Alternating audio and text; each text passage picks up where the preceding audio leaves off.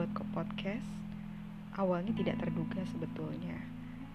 Jadi saya memang dari dulu sudah suka merekam-rekam puisi, tapi hanya untuk konsumsi pribadi atau teman-teman terdekat. Uh, namun karena ada peristiwa corona ini, semua dunia terguncang begitu ya. So salah satunya saya kayak gitu.